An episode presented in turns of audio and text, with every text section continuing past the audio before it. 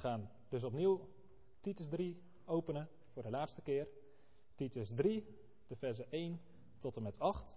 En daarbij wil ik lezen uit Handelingen, Handelingen 2, vers 37 tot en met 47. En dat is een gedeelte waar de eerste gemeente ontstaat. Het evangelie wordt verkondigd door Petrus met Pinksteren. Er komen mensen tot geloof. En in Handelingen 2, in het stukje wat wij gaan lezen, wordt beschreven hoe die gemeente eruit zag. Waar zij op gericht waren. En dat had zo'n kracht, zo'n uitstraling, dat de Heer dagelijks toevoegde aan die gemeente. Die gemeente die groeide. De mensen die zagen in de gemeente wat de kracht was van het evangelie. Nou, dat is vanavond ook belangrijk.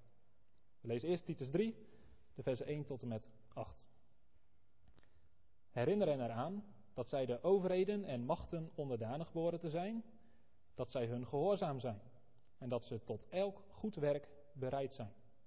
Dat ze niemand belasteren, niet strijdlustig zijn, maar welwillend en alle zachtmoedigheid bewijzen aan alle mensen. Want ook wij waren voorheen onverstandig, ongehoorzaam, dwalend, verslaafd aan allerlei begeerten en hartstochten, levend in slechtheid en afgunst, hatelijk en elkaar hatend. Maar toen de goede tierenheid van God, onze zaligmaker, en zijn liefde tot de mensen verschenen is, maakte hij ons zalig. Niet op grond van de werken van de rechtvaardigheid die wij gedaan hadden, maar vanwege zijn barmhartigheid. Door het bad van de wedergeboorte en de vernieuwing door de Heilige Geest. Die heeft hij in rijke mate over ons uitgegoten. Door Jezus Christus, onze zaligmaker. Opdat wij, gerechtvaardigd door zijn genade, erfgenamen zouden worden, overeenkomstig de hoop van het eeuwige leven. Dit is een betrouwbaar woord. En ik wil dat u deze dingen sterk benadrukt, opdat zij die in God geloven ervoor zorgen dat ze anderen voorgaan in het doen van goede werken. Deze dingen zijn goed en nuttig voor de mensen. Dan lezen we vervolgens nog Handelingen 2, vers 37 tot en met 47. Toen zij dit hoorden, en dat is dus de verkondiging van Petrus, werden zij diep in het hart geraakt. En ze zeiden tegen Petrus en de andere apostelen: Wat moeten wij doen, mannenbroeders? En Petrus zei tegen hen: Bekeer u en laat ieder van u gedoopt worden in de naam van Jezus Christus, tot vergeving van de zonden. En u zult de gave van de Heilige Geest ontvangen. Want voor u is de belofte, en voor uw kinderen, en voor allen die ver af zijn, zoveel als de Heere onze God ertoe roepen zal. En met veel meer andere woorden legde hij getuigenis af en spoorde hij hen aan met de woorden: Laat u behouden uit dit verkeerde geslacht. Zij nu, die zijn woord met vreugde aannamen, werden gedoopt. En ongeveer 3000 zielen werden er op die dag aan hen toegevoegd. En zij volharden in de leer van de apostelen en in de gemeenschap, in het breken van het brood en in de gebeden. En er kwam vrees over iedereen. En dat is waarschijnlijk degene die buiten de gemeente waren. Er kwam vrees, ontzag, respect bij degenen die buiten de gemeente waren toen ze zagen hoe die gemeente bij elkaar was. En er werden veel wonderen en tekenen door de apostelen gedaan. En allen die geloofden waren bijeen en hadden alle dingen gemeenschappelijk. En zij verkochten hun bezittingen en eigendommen en verdeelden die onder allen nadat ieder nodig had. En ze bleven dagelijks eensgezind in de tempel bijeenkomen. En terwijl zij van huis tot huis brood braken, namen zij gezamenlijk voedsel tot zich met vreugde en in eenvoud van hart. En zij loofden God en vonden genade bij heel het volk. En de Heere voegde dagelijks mensen die zalig werden aan de gemeente toe. Tot zover onze schriftlezingen. Ik wil met u kijken naar de versen uit Titus 3 die we nog niet hebben bekeken. En dat zijn de versen 2 en een stukje van vers 5 en vers 8. En ik wil daarbij als thema nemen goede werken, niet als reden, maar wel als doel van onze verlossing. Goede werken zijn niet de reden waarom we gered worden, maar zijn wel het doel waarvoor we gered worden. En we zien in vers 5 dat de werken niet de reden zijn, niet op grond van de werken van rechtvaardigheid die wij gedaan hadden, maar vanwege zijn barmhartigheid. En vers 2 en vers 8 wordt er nadruk op gelegd dat we gered zijn om goede werken te gaan doen. Er is een prachtige tekst in Ezekiel. Dan zegt God: Ik heb geen lust, ik vind er geen vreugde in dat goddelozen sterven, maar daarin dat ze zich bekeren en leven. Een prachtige profetie. En eigenlijk zien we in het leven van de Heer Jezus dat God dit echt meent. Dat Hij niet wil dat iemand verloren gaat, maar dat Hij er alles voor over heeft. Dat het zijn grootste vreugde is om mensen te redden. Daarom heeft Hij laten zien in zijn Zoon de Heer Jezus Christus dat Hij vriendelijk is. Dat Hij vol van mensenliefde is. Het hele leven van de Heer Jezus is één grote demonstratie van Gods vriendelijkheid en van Zijn liefde. En die boodschap die is gekomen tot de Cretenzen. Met een doel. Met het doel om ze daadwerkelijk te redden. Dat hebben wij vanmorgen gezien. Toen Elie verscheen van Gods liefde, van zijn goede tierenheid, toen maakte hij ons zalig.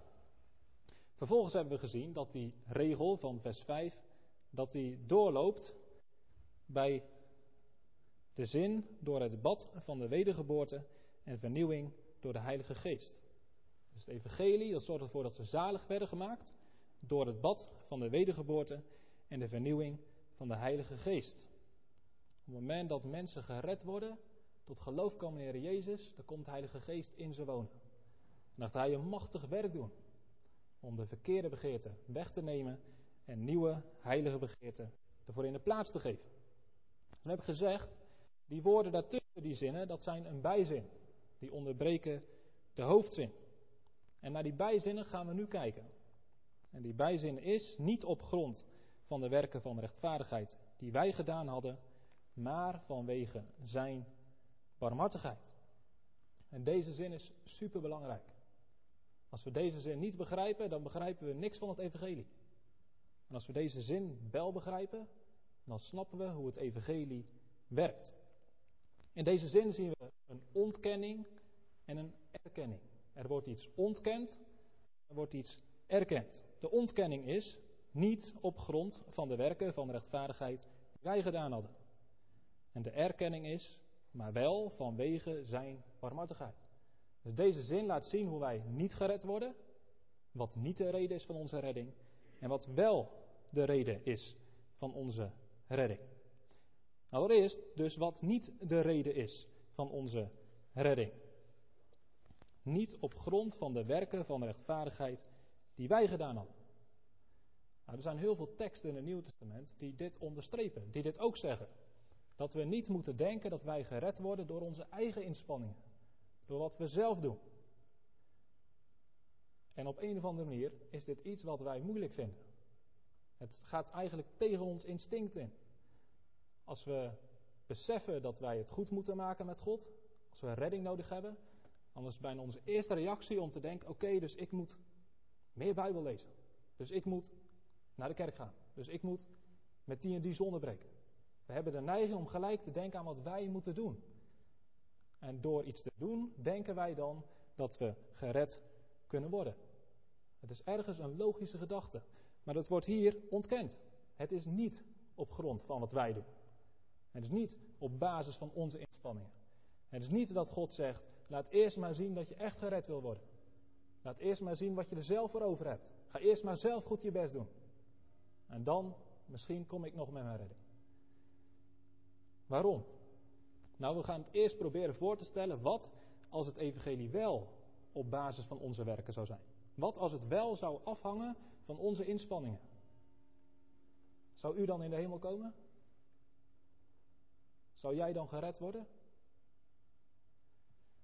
Nou, die vraag die kun je op drie manieren beantwoorden. Je kunt ja zeggen. Ik denk dat ik goed genoeg ben, dat ik hard genoeg mijn best doe, ben om in de hemel te komen. Het kan ook dat je zegt, nee, absoluut. Dat verdient. Ik weet het niet. Misschien wel, misschien niet. Nou, laten we kijken wat als het antwoord nee is. Stel dat je gewoon beseft van, nou, ik ben het gewoon echt niet waard. Ik ben helemaal niet gericht op God. Ik doe zoveel verkeerde dingen. Ik weet gewoon dat ik niet op basis van wie ik ben en wat ik doe in de hemel kan komen. En als het daar wel van af zou hangen, dan zou het dus over en uit zijn. Dan zou je alle reden hebben om wanhopig te worden. Toch? Als je weet, ik kan het niet, ik verdien het niet, en toch zou ik het wel eigenlijk moeten verdienen. Over en uit. Van onze werken afhangen, en we zouden weten, nee, we redden het niet, dan zouden we voor eeuwig verloren gaan. Dus dit maakt wanhopige mensen. Het kan ook dat u die vraag beantwoordt met: Ik weet het eigenlijk niet. Ik weet niet of ik goed genoeg ben. Misschien wel. Ik doe mijn best. Maar als je het niet zeker weet, wat voor gevoel heb je dan? Dan heb je dus onzekerheid. En waarschijnlijk ook angst. als je echt beseft dat als je sterft, dat het erop aankomt. En dat dan beslist wordt waar je voor eeuwig bent, in de hemel of in de hel. En je weet niet zeker dat je goed genoeg bent om naar de hemel te gaan. Dan is er dus een kans dat je voor eeuwig naar de hel gaat. En ook al zou die kans maar 5% zijn. Dat lijkt mij genoeg reden om met heel veel angst te leven. Nou, het zou ook nog kunnen dat we die vraag wel met ja beantwoorden. Dat we zeggen, ja, ik ben goed genoeg voor God om het eeuwige leven te krijgen. Ik heb voldoende goede werken gedaan om de hemel binnen te gaan. Wat voor hart zou je dan krijgen? Ik denk een beetje trots. Trots dat jij het goed genoeg doet. Dat je hard genoeg hebt gewerkt. Dat jij nou beter bent dan andere mensen die de hemel niet verdienen. Ik weet niet of hier iemand zit, of dat iemand thuis meeluistert die daar ja op zegt. Ik had er vanmorgen over met de uh, ouderling van dienst. En had erover, dit is niet wat wij geneigd zijn om te zeggen. Maar ik kom heel veel mensen tegen, niet in de gemeente per se, maar erbuiten ook, die dit wel hopen of denken van zichzelf. Die zeggen, ja, kijk naar deze wereld, allemaal criminelen en slechte mensen. Maar wij, of ik, ik ben altijd, ik sta altijd klaar voor de ander. Ik doe goed mijn best, ik geef iedereen het zijne. En ik vroeg pas aan iemand, ik zei het een beetje nou ja, sarcastisch misschien. Ik zeg, maar God kan wel tevreden met u zijn, zeker? Ja, zeker. Dat was volle erkenning. Maar is dat terecht? Kan iemand terecht zeggen, ja, ik ben goed genoeg voor God. Ik heb goede werken gedaan. En ik heb de hemel verdiend. Nou, dat is niet wat de Bijbel zegt. In Romeinen 3, dan gaat Paulus laten zien dat alle mensen voor God veroordeeld staan. Waarom? Dat niemand door de werken van de wet gerechtvaardigd kan worden. Want als we eerlijk naar de wet kijken, dan zien we dat we op alle punten tekortschieten. In onze daden, maar ook in onze gedachten, in onze verlangens. Wij staan schuldig. Kortom, als het wel zou afhangen van onze werken, dan zouden we of onzeker zijn, omdat we niet weten, of we zouden angstig worden, of we zouden onterecht trots worden. Dat is niet positief. En het evangelie werkt dus ook heel anders. Het evangelie werkt niet op basis van wat wij hebben gedaan, maar staat er, het evangelie zegt, wij worden gered vanwege Gods barmhartigheid. En wat betekent dat? Gods barmhartigheid. Het woord barmhartigheid, daar zit het woord erbarmen in. Misschien ook een lastig woord. Je zou het ook kunnen vertalen met ontferming, medelijden. En barmhartigheid heeft dus altijd te maken met iemand die in nood is, die in ellende zit. En daarover wil je ontfermen. Daar heb je medelijden mee. Een persoon waar alles goed mee gaat, daar hoef je geen medelijden mee te hebben. Daar hoef je niet over te ontfermen. Daar hoef je geen barmhartigheid aan te tonen. Misschien een voorbeeld. Het is buiten nog steeds erg koud. Misschien loop je een rondje en dan kijk je bij sommige mensen naar binnen, zitten gezellig bij de kachel, hebben genoeg kleding in de klerenkast hangen en genoeg kleren aan, zitten in een mooi geïsoleerd huis. Moet je medelijden hebben met zulke mensen? Waarom? Die hebben prima voor elkaar. Maar als je verder loopt, je loopt naar Utrecht, dan kom je misschien wel mensen tegen die buiten op straat lopen. met weinig kleren aan, die versleten zijn, misschien wel blote voeten. Ze rammelen van de honger en ze hebben geen huis om in te slapen. En dan denk je misschien wel, oh, dat is zielig. Hoe zou ik die persoon kunnen helpen? Nou, dat is barmhartigheid. Dat is een gevoel van ontferming, van medelijden. Nou, als er in de Bijbel wordt gesproken over God die barmhartig is, wat zegt dat over ons als mensen? Waarom zou God barmhartig moeten zijn? Is dat omdat wij het als mensen perfect voor elkaar hebben? Nee. Nou, dat hebben we natuurlijk ook gezien in vers 3. De situatie die wij als mensen waren voordat we gered werden. Je zou kunnen zeggen, wij zijn ons huis kwijtgeraakt, het paradijs. We zijn zwervers geworden. En we wandelen over de aarde. We hebben geen kleding om ons zondige hart te kleden, te bedekken. we hebben ook geen eten om de leegte in onze ziel te vervullen. Ja, we doen ons best. Carrière maken, vrienden, feestjes. Maar de leegte in ons hart kan niks vervullen dan alleen God zelf. En dat is nog niet alle ellende. Want doordat we zo leven, gericht zijn op onze eigen begeerten, maken we ons schuldig aan de wet van God. Aan het eind van ons leven wacht ons een verschrikkelijk vonnis. Het loon van de zonde, de rekening die we aan het eind betaald moeten krijgen, is de dood. Nou, is dat geen ellendige situatie? En dan is de vraag, hoe reageert God erop? Als kijkt naar de aarde en je ziet er allemaal mensen die in een zonde leven, die een eind van hun leven een veroordeling wachten. Wat doet God daarmee? Haalt hij zijn schouders op, draait hij zijn hoofd om en zoekt het maar uit. We hebben het afgelopen maandagavond op catechisatie over gehad. Hoe kijkt God naar deze wereld die in lijden is? Nou, God is barmhartig. Hij heeft gevoelens. En sommige mensen twijfelen eraan, en dat is logisch. Er nog. Maar aan te twijfelen. Want wij moeten net als vanmorgen, om deze eigenschap van God te zien en te geloven, kijken naar de Heer Jezus. En wij weten dat de Heer Jezus vol barmhartigheid was. Dat hij vol ontferming was. We kijken bijvoorbeeld op het moment dat de Heer Jezus vlak bij Jeruzalem was. En toen hij over die stad uitkeek, toen begon Jezus te huilen. En hij zei, hoe vaak heb ik jullie opgeroepen tot bekering? Hoe vaak heb ik jullie gewaarschuwd? Ik heb jullie geroepen als een hen haar kuikentjes onder haar vleugels bij elkaar onder de vleugels roept. Tegen gevaar, voor bescherming. Maar jullie hebben niet gewild. Jullie luisteren niet. En Jezus zag dat het oordeel van God aanstaande was. Dat liet hem absoluut niet koud.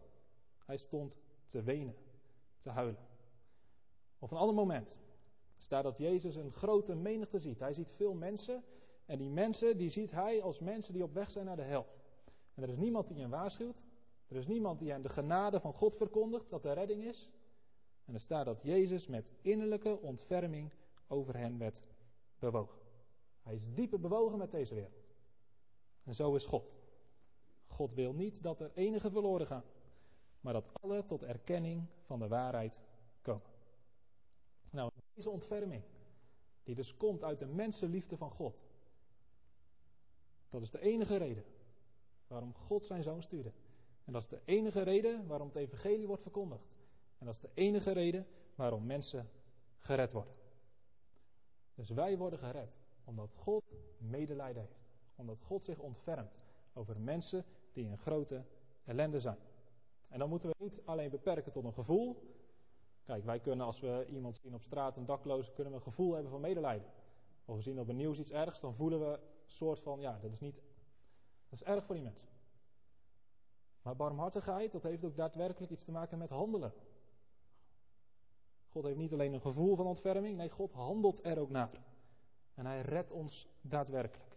Hij zorgt ervoor dat wij verlost kunnen worden. We worden gered. Niet op basis van onze werken, maar op basis van Gods barmhartigheid. Nou, en als dit waar is, en het is waar, dan is dit een grote, vreugdevolle boodschap voor alle mensen. Want dat betekent dat alle mensen gered kunnen worden. Hoe groot de zondaren we ook zijn, hoezeer we het ook verprust hebben bij God, als het niet afhangt van onze daden, als er helemaal niks afhangt van wie wij zijn, dan kunnen we dus allemaal gered worden. Dit evangelie, dat brengt geen wanhoop, maar dat brengt hoop. Dit evangelie brengt geen onzekerheid, maar de diepste zekerheid. Het evangelie brengt geen angst, nee, vreugde en blijdschap. En dit evangelie, dat maakt niet trots, maar dat maakt verwonderd en dankbaar. En dat betekent dus om een christen te zijn. Een christen is iemand die niet trots is op zichzelf, op zijn eigen daden, helemaal niet. Hij is dankbaar voor de redding van God. Een christen is niet iemand die leeft in angst. Want hij kent de liefde, de goede tierenheid, de genade van God in de Heer Jezus Christus, die om niets wordt aangeboden. Een christen is iemand met een hart vol hoop. Met een hart vol zekerheid, met blijdschap en dankbaarheid. Nou, laten wij dus onze redding niet zoeken in onze daden. In wie wij zijn en wat wij moeten doen. Maar laten we ons toevertrouwen aan een God en zaligmaker. Die vriendelijk is. Die vol mensenliefde is. En die in zijn barmhartigheid mensen uit hun ellende verlost. Dat is onze eerste gedachte. Goede werken zijn niet de reden. Maar onze tweede gedachte, ze zijn wel het doel van onze redding. Als we uit dit evangelie leven, dan doet dat dus iets met hoe we naar onszelf kijken.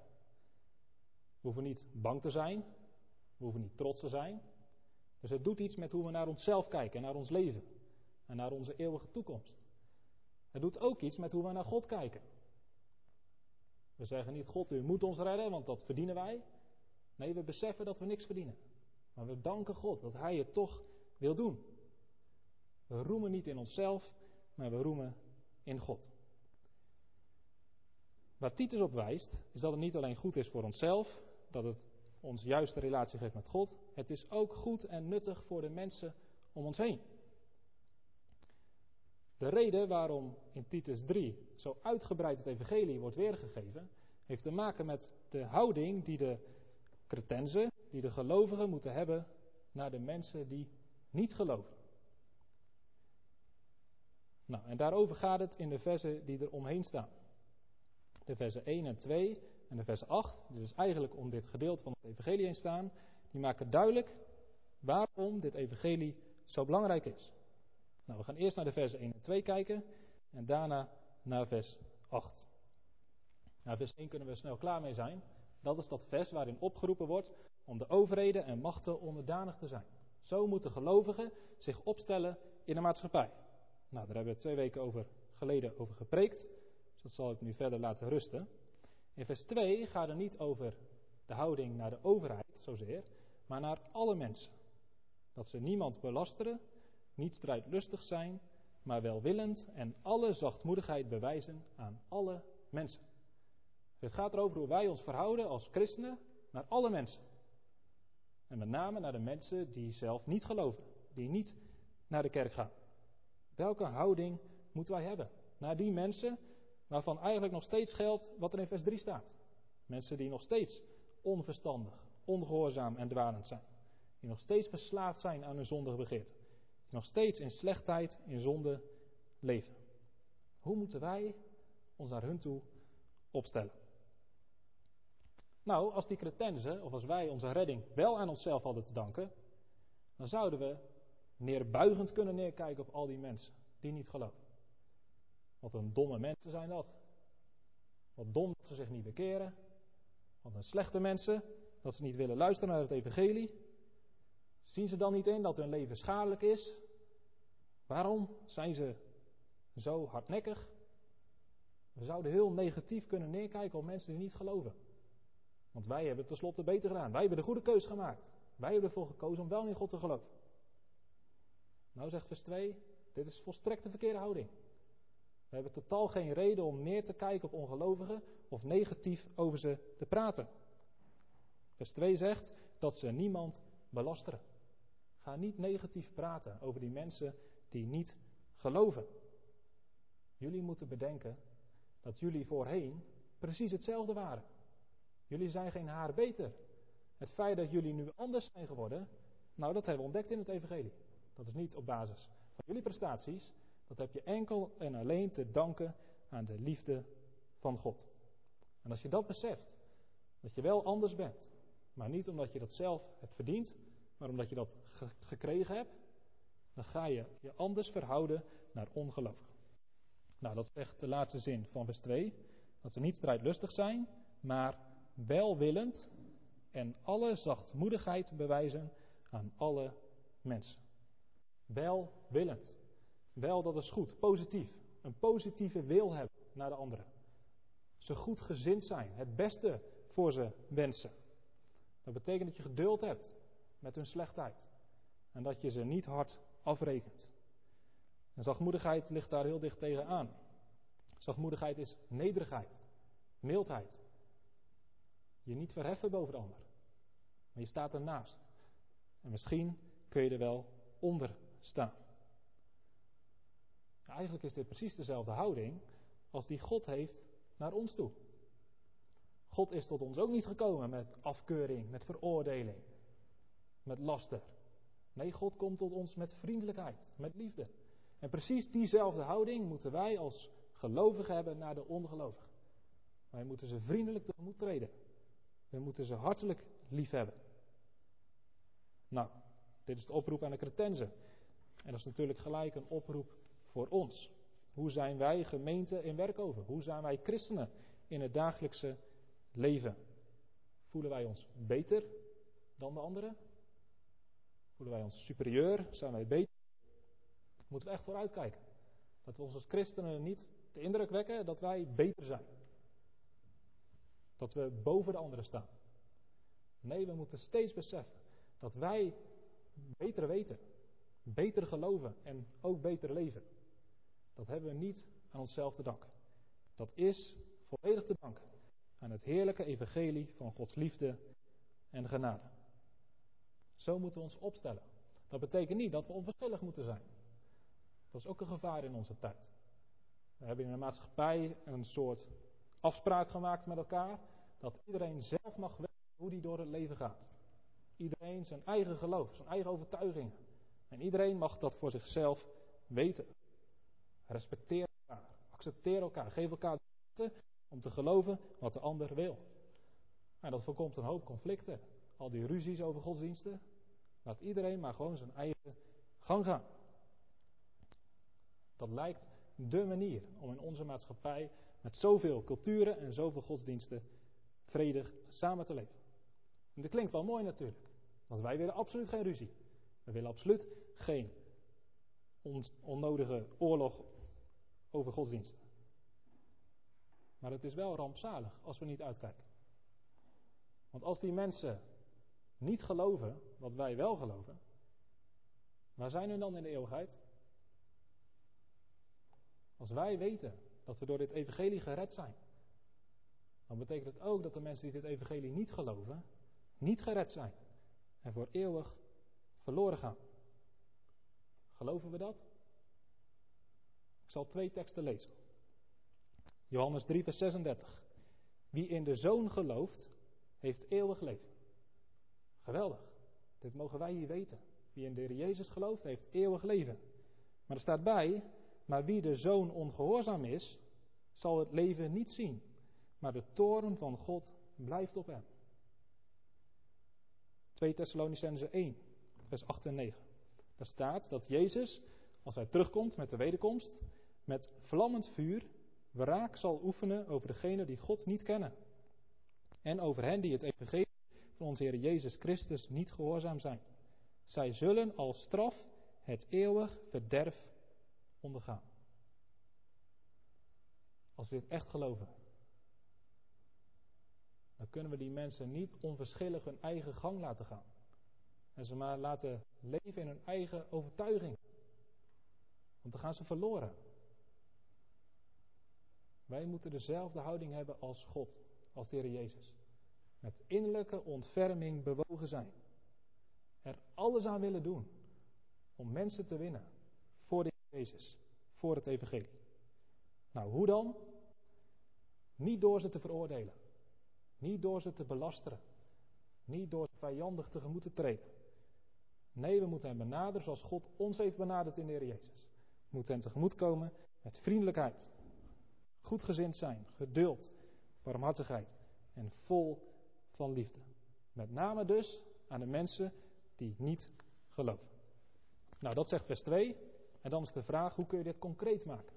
Wat betekent dit in de praktijk? Hoe kun je laten merken aan de ongelovigen dat je een goed gezin bent? Dat je niet uit bent om een discussie, dat je even goed de waarheid wil zeggen, dat je wil laten merken dat zij helemaal verkeerd zijn. Nee, hoe kun je uitstralen als christenen dat je het beste met hen voor hebt? Dat je ze zielsveel lief hebt. Dat je niet wil dat ze verloren gaan. Dat je er alles voor over hebt. Dat ook zij straks voor eeuwig behouden zijn. Nou, zegt vers 8. Dit is een betrouwbaar woord. En ik wil dat u deze dingen sterk benadrukt. Opdat zij die in God geloven. En dan komt het. Ervoor zorgen dat ze anderen voorgaan in het doen van goede werken. Deze dingen zijn goed en nuttig voor de mensen. Dit is een betrouwbaar woord. Dat evangelie wat hij hier heeft uitgewerkt, is volledig te vertrouwen. Daar hebben we met categorisaties ook over gehad, met de ouderen. Hoe we zeker kunnen weten dat dit evangelie de waarheid is. Hoe wij zeker kunnen geloven dat Jezus Christus de Zoon van God is. Dat geloven wij op basis van betrouwbare getuigen. En Paulus zegt, je kunt hier volstrekt zeker van zijn. Dit is Gods waarheid. En ik wil daarom dat u deze dingen sterk benadrukt. Hier staat iets als met overtuiging spreken. Spreek dit met vrijmoedigheid, met volle zekerheid. We hoeven geen enkele twijfel te hebben. Dit evangelie waar is. Wat wij is absolute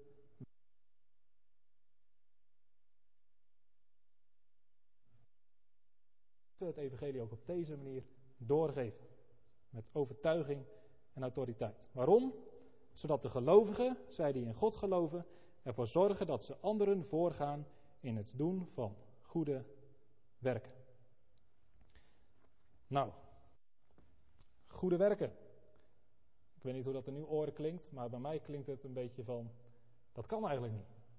wij zijn zondaren, we kunnen helemaal geen goede werken doen. En goede werken klinkt een beetje rooms. Want dat betekent toch dat je eigen hemel probeert te verdienen door goed je best te doen. Nou, dat is het dus niet. Goede werken hebben in de Bijbel een positieve betekenis. Die hebben een positieve plaats in het leven van gelovigen. Dat is precies wat in de catechismus ook wordt gezegd. Die vraag van als we dan gered worden uit genade, zonder daar iets voor hoeven te doen, waarom wordt er dan nog gesproken over goede werken? Nou, dan worden er vier dingen genoemd. Allereerst om onze dankbaarheid te tonen. Als je gered bent, als je verlost bent, je hebt zo'n grote zaligheid ontvangen. Dan kan er niet anders dat je dankbaar bent. En hoe kun je die dankbaarheid tonen? Hoe kun je God laten merken dat je hem dankbaar bent voor zijn genade? Door te leven naar zijn wil. Door goede werken te doen. Ten tweede, als we goede werken doen, dan verheerlijken we God. Dan geven we God de eer. Dan wordt ook nog gezegd, zekering van ons geloof. Dat wij er zekerheid door krijgen dat we daadwerkelijk gered zijn. Als we geloven in de Heer Jezus en er verandert niks in ons leven en we blijven zonder leven, we bekeren ons niet, dan hebben we geen enkel te denken dat we gered zijn. Want als we echt in de Heer Jezus geloven, dan komt Heilige Geest in ons leven en dan gaat Hij ons vernieuwen, veranderen. Dan geeft Hij ons verlangen om voor God te leven. En als je dat merkt, dat je goede werken gaat doen uit een hartelijk verlangen, dan geeft dat zekerheid aan het feit dat je dus gered bent. En het vierde wat wordt gezegd, en dat is nu belangrijk, dat het is om onze naasten in te winnen voor Christus. Dus door goede werken te doen, kunnen wij andere mensen, ongelovigen, inwinnen voor de Heer Jezus. Is precies wat hij zegt. Hoe moeten wij ons opstellen? Nou, we moeten ze voorgaan in goede werken. En die zijn goed en nuttig voor de mensen. Dat zijn de dingen die mensen helpen om tot geloof te komen. Nou, dat betekent twee dingen. Eerst negatief. Als we geen goede werken doen, dan verhinderen we mensen om tot geloof te komen. Hij zegt bijvoorbeeld in Titus 3, vers 14, dan geeft hij daar een voorbeeld van, als ze niet ijverig zijn in goede werken. Hij zegt daar, en ook de onzen moeten leren anderen voor te gaan in het doen van goede werken. Dan geeft hij een voorbeeld daarvan, om in de noodzakelijke levensbehoeften te voorzien, opdat zij niet onvruchtbaar zijn. Misschien weten nog dat die cretensen werden luie buiken genoemd. Die hadden geen zin in te werken. Dat waren feestgangers, lekker vakantie vieren, niet hard werken. En uh, hij zegt hier, dat is niet de bedoeling. Elke gelovige moet zorgen voor zijn eigen inkomsten. Die moet ervoor zorgen dat de brood op de plank staat voor zijn gezin. Die moet niet lui zijn, maar die moet werken. En als hij dat niet doet, dan geeft hij een aanstoot voor anderen. Maar als hij laat zien dat hij hard wil werken voor zijn brood, voor zijn centen, dan geeft hij een goed voorbeeld naar al die andere cretensen die nog steeds luie buiken zijn. En zo worden ze ingewonnen voor het evangelie. Dus wij kunnen in ons gedrag, omdat we niet heilig leven, verhinderen dat anderen tot geloof komen. Daarom moeten we voorgaan in goede werk. Dat ze op geen enkele manier een aanstoot vinden in ons, waardoor ze zeggen, ja, die kerk, dat is allemaal hypocriet. Dat gaat nergens over. Mooi praten op zondag in de kerk, door de weeks, dat is een enorme struikelblok voor mensen. Nou, positief is het, dus dat we wel voorgaan in goede werken, en dat anderen daardoor aangetrokken worden tot het geloof. Dus wij moeten alles doen wat we kunnen doen. Wat anderen kan aantrekken om te komen tot geloof in de Heer Jezus. Dus als u zegt van, of hij zegt van, is dit goed of niet goed, denk dan hierover na. Is dit iets waardoor anderen aangetrokken worden tot het geloof of afgestoten worden? En als het iets is wat mensen kan aantrekken, doe het. misschien kan ik een simpel voorbeeld geven. Ik heb van de week een paar mensen mogen spreken in het dorp. En dan vroeg ik ze ook van hoe ze kijken naar de kerk, naar de gemeente. En het viel me op dat heel veel mensen heel positief zijn over de gemeente. En hoe komt dat? Onder andere door de rommelmarkt. Dat de kerk deze rol heeft in het dorp, dat ze iets organiseren voor het hele dorp. Dat geeft een positieve uitstraling naar de dorpsgenoten. Dat is een voorbeeld van een goed werk wat hen openmaakt, openstelt om het evangelie te ontvangen. Nou, zo kunnen we heel veel dingen bedenken. Hoe kunnen wij als gemeente, hoe kunnen we als gelovigen zo handelen dat anderen een positief idee krijgen bij het geloof? Zodat hun harten open gaan, ontvankelijk worden voor het horen van het evangelie. Goede werken. Ze zijn dus niet bedoeld om onszelf te redden. Het is geen manier om de hemel te verdienen. En dat is maar goed ook. Want anders zouden we hopeloos onzeker, bang of trots worden. Maar we mogen weten dat we gered worden door een evangelie van genade. En als we dat beseffen, wat die grote liefde van God is, dan krijgen we een hartelijk verlangen om Hem te eren in ons leven door Zijn wil te doen. Goede werken zijn niet de reden, maar wel het doel van onze verlossing. Laten we dus ijverig zijn in goede werken, om die te doen uit dankbaarheid. Tot eer van God en tot eeuwig behoud van alle mensen om ons heen. Amen.